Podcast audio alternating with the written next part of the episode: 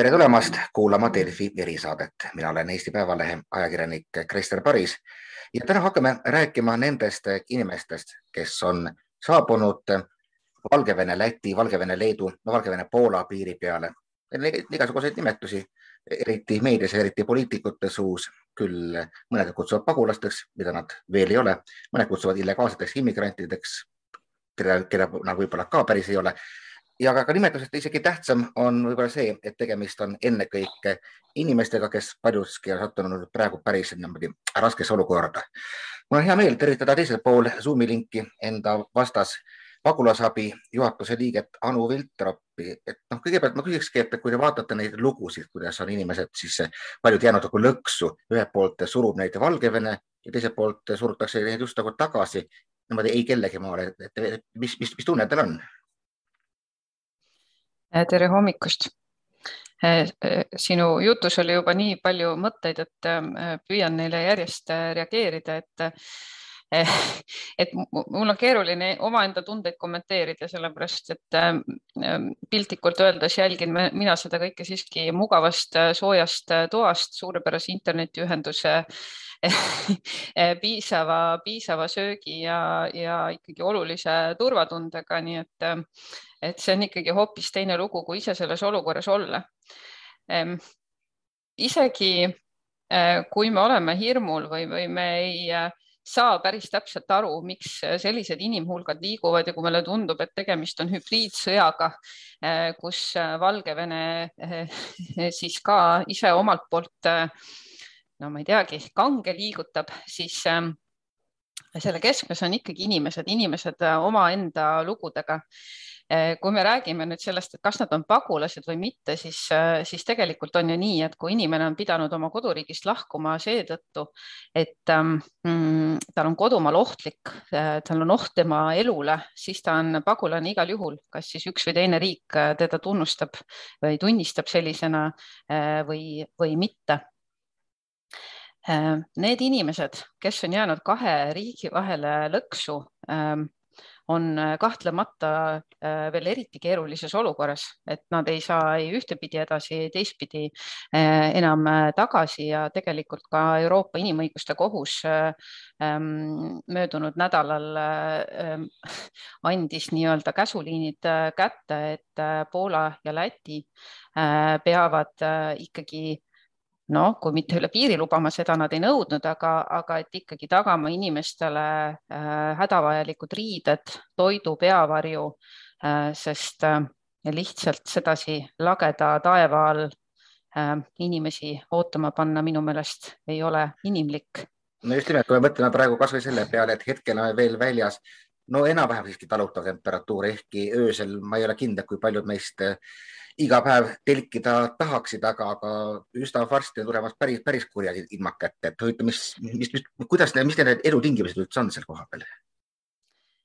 Eh, no eh, kohtumäärus eh, on täitmiseks kaheteistkümnendaks septembriks, kui ma nüüd ei eksi, mis tähendab, et siis tuleb neile ikkagi esma, esmane, esmane selline riidevaru, selline toitlustamine, peavari tagada, mis see siis olema saab, seda minul on väga keeruline kommenteerida. võib-olla, mis on selline saatuse kurioosum, et ühtepidi Poola on ju ka võtnud vastu äh, tuhat inimest Afganistanist, lubanud vastu võtta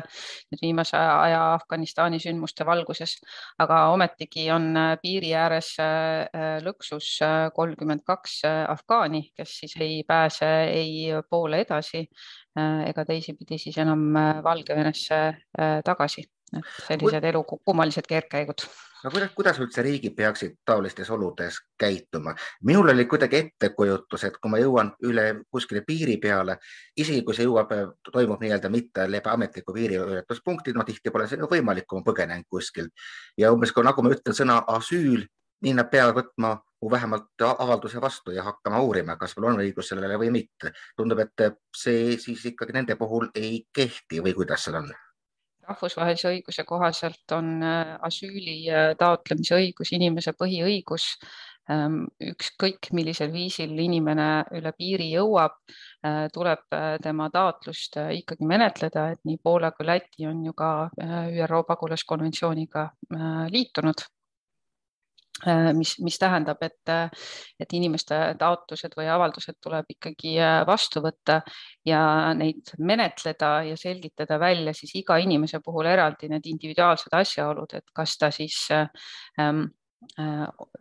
vastab nendele kriteeriumitele ja võib saada selles riigis kaitse äh, või mitte. ja kui me vaatame no näiteks äh, seda inimeste hulka, kes nüüd äh, Leedus on üle nelja tuhande inimese, Poolas üle kahe tuhande, Lätis üle kolmesaja, kes on juba siis piiri äh, ületanud ja siis ootavad ju ka äh, sellistes laagrites ja ajutistes majutuspaikades, siis noh, seal võib ka oletada, et ikkagi tegemist on sellise segarändega ehk siis nende seas on kindlasti ka selliseid inimesi, ähm, kellel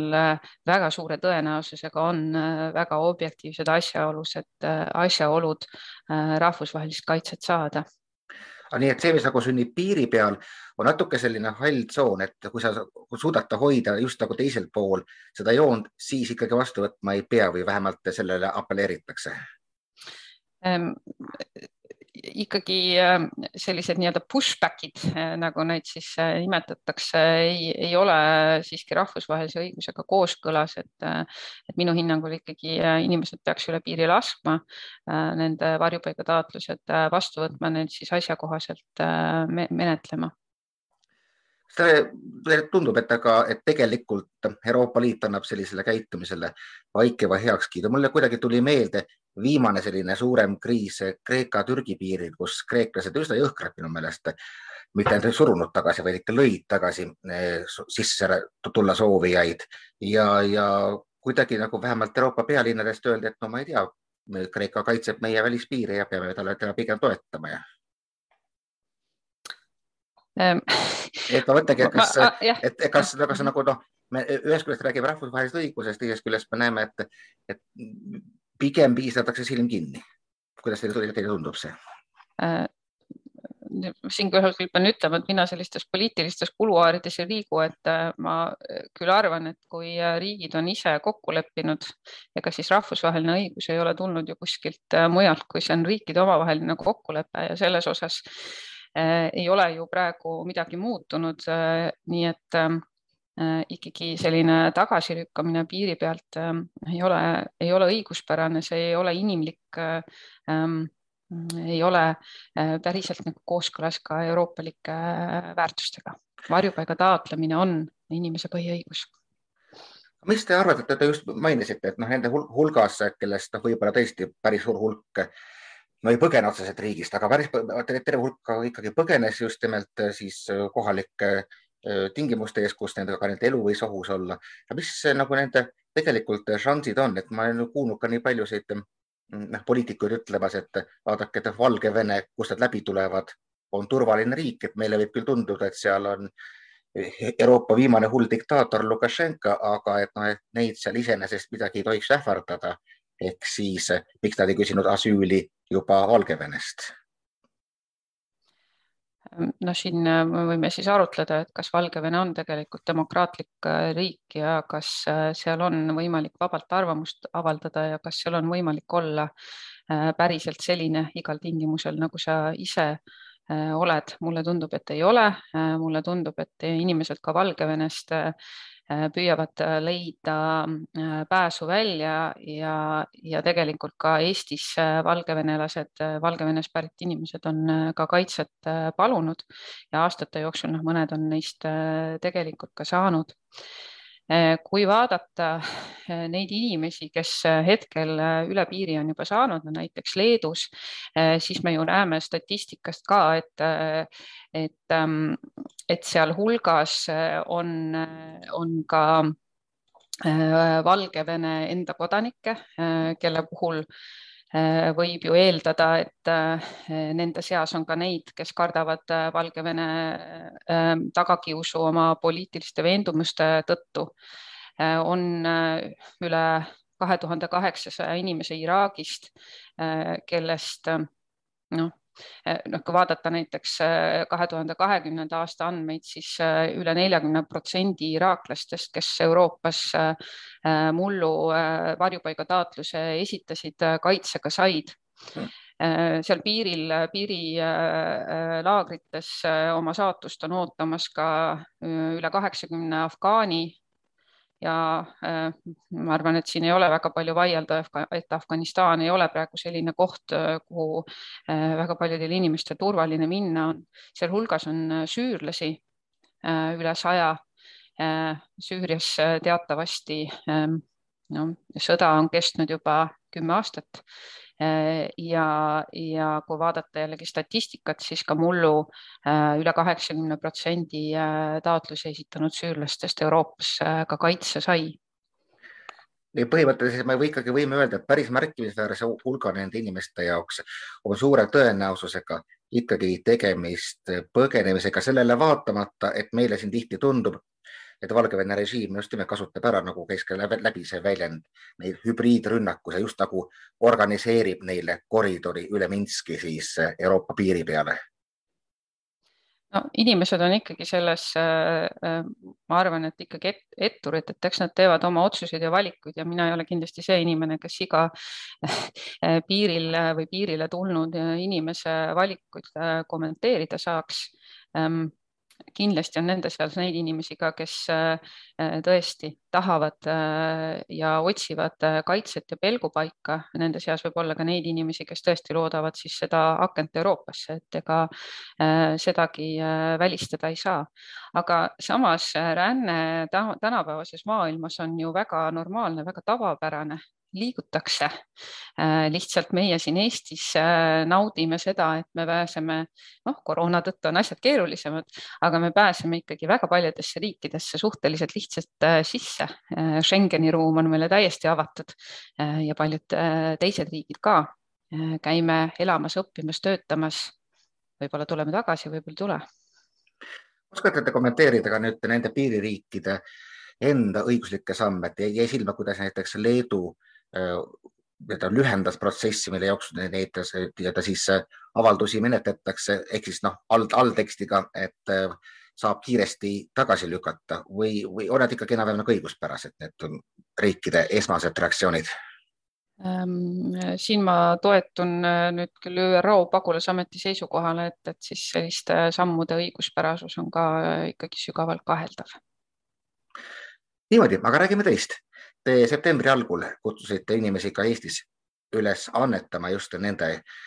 inimeste abistamiseks, kes seal piiri peal niimoodi lõksu on jäänud, et noh, kuidas teil läks?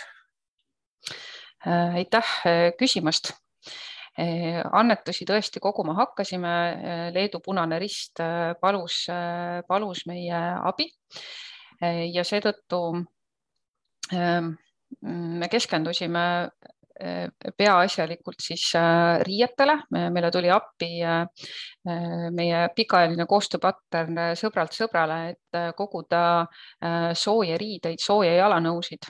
sest et väga paljudes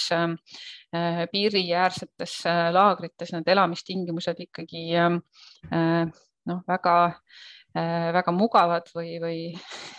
väga elamisväärsed ei, ei ole ja ilmad lähevad äh, külmaks ja nendest riietest on suur puudus, kuigi ega Leedus ka kogutakse asju, vajadus on lihtsalt väga suur. Äh, teiseks äh, siis feministeeriumi abiga me kogusime ja õnnestus koguda nelisada eurot, mille eest me oleme siis ostnud hügieenivahendeid naistele ka nendest on seal kohapeal puudus. ja lisaks äh, kogusime annetusi äh, üle üheksasaja euro siis selleks, et äh, lähetada siis kaks pagulasabitöötajat koha peale appi ja, ja ülejäänud raha eest osta muid vajalikke esmatarbevahendeid mis on siis näiteks äh, mähkmed äh, väikelastele või, või, või seep või šampoon äh, ja, ja muud sellist. ja kindlasti me ei suuda kogu vajadust ära rahuldada, aga mulle tundub, et see on ühtepidi selline moraalne tugi partneritele, et kes ka selles kriisis püüavad pakkuda seda inimlikku vaadet, inimlikku tähelepanu, inimlikku tuge ja teisipidi see soov natukene siis ise ka ikkagi aidata ja tuua nagu seda inim, inimese nägu ja inimese pilti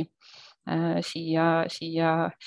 meediapilti. ma tsiteeriksin siinkohal ühe oma Afgaani hea tuttava Afgaani sõnu, kes Eestis kaitse saanud on et, ähm, et tead, et äh, küsimus ei olegi ju selles, et me tahame siia Euroopasse parema elu peale. me tahame lihtsalt elada.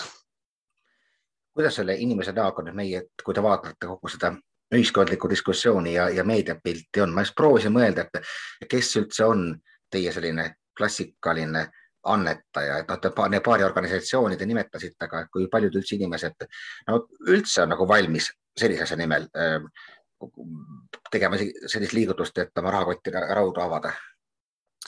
Äh, annetusi äh, saab äh, koguda ja anda erineval viisil, et rahalisi annetusi teevad väga erinevad inimesed, nii mehed kui naised. Ähm, mulle tundub, et ka erinevas vanuses ja erinevas geograafilistes punktides Eestis, ma nii täpselt muidugi sulle praegu kinnitada ei oska, aga tegelikult äh, on väga-väga palju väga häid inimesi, äh, kes äh, on valmis annetama oma aega, mis on samavõrra tähtis ja oluline. Ja ähm, iga kord, kui meedias selline teema üles kerkib, mis on kuidagi rändega seotud ja tekivad sellised rändeteemalised siis äh, Äh, arutelud, äh, kasvab ka nende inimeste hulk, äh, kes tahavad aidata, midagi teha, ükskõik, mis see siis on, mida nad siis oskavad, mis neile mugav on või, või mida noh, milles nad ennast hästi tunnevad, et Eesti oleks kuidagi sõbralikum paik nendele inimestele, kes on siia Eestisse jõudnud, põhimõtteliselt tühjade kätega kogu varasema elu maha jätnud Neid, kui kuskil ühe, ühelt poolt kostab palju selliseid kurje ja karme hääli, siis need just nagu omavad ka, ka teistsugust efekti täpselt siis. Äh, äh, nii see on, jah, see teeb väga palju rõõmu. Teie ka kurje ja karme hääle saite enda aadressil, et miks te teete seda kõike? Äh, annetuskampaaniaga. näiteks selles osas ei tea või siis äh, ei, ei sattunud, äh, sattunud äh, kuulma. küll aga oli hulgaliselt häid inimesi, kes sõna levitada aitasid. seda kõike on, on hea kuulda, et ehk vähemalt inimlikul tasandil aitavad ka need väikesed sammud siis nende inimeste elu kuidagi muuta, noh, talutavamaks, heaks veel ilmselt